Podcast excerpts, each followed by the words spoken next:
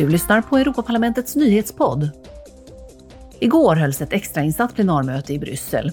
Ukrainas president Volodymyr Zelensky fanns bland de närvarande. Europaparlamentets talman Roberta Metsola öppnade sessionen och riktade sig till Volodymyr Zelensky. I am proud to say that this house Jag är stolt över att kunna säga att det här parlamentet, kärnan i den europeiska demokratin, alla ledamöter, vårt EU, alltid har stått på Ukrainas sida.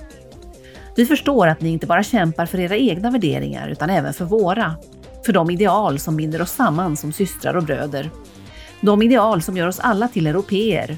För Ukraina är Europa och Ukrainas framtid är i EU. It's in the European Union.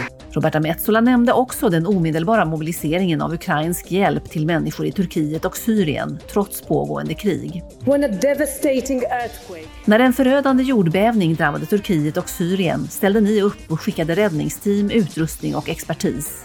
Det är verklig solidaritet. solidarity. I sitt tal pratade även den ukrainska presidenten om europeiska värderingar. Han sa så här.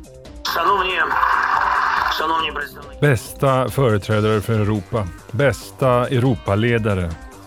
Alla vi europeer, var och en av alla de hundratals miljoner människor på vår kontinent som kombinerar de här två statusarna. Företrädare för Europa och Europaledare. Den här kombinationen visar vad vårt Europa, det moderna Europa, det fredliga Europa skänker till världen. Det europeiska levnadssättet, det europeiska sättet att leva, den europeiska livsföringen, europeiska livsregler. Där varje människa spelar roll. Där lagen styr. President Zelensky nämnde också det ryska folket.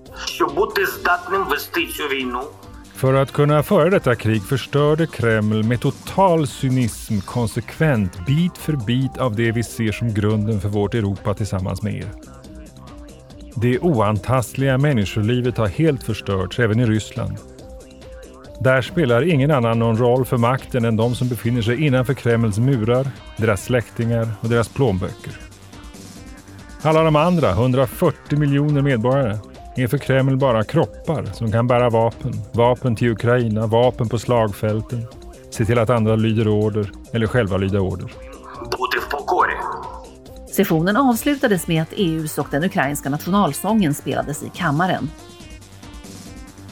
EU kommer att stå värd för en givarkonferens i mars för att mobilisera internationellt bistånd till Turkiet och Syrien som drabbades av en förödande jordbävning i måndags. Konferensen ska äga rum i Bryssel och syftar till att samordna det internationella gensvaret på katastrofen.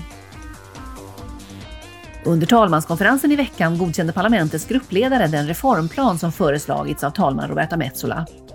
Reformen ska stärka parlamentets integritet, oberoende och ansvarsskyldighet samtidigt som den skyddar ledamöternas fria mandat. Arbetet med detta åtgärdspaket ska starta omedelbart för att det ska kunna träda i kraft så snart som möjligt. Du har lyssnat på Europaparlamentets nyhetspodd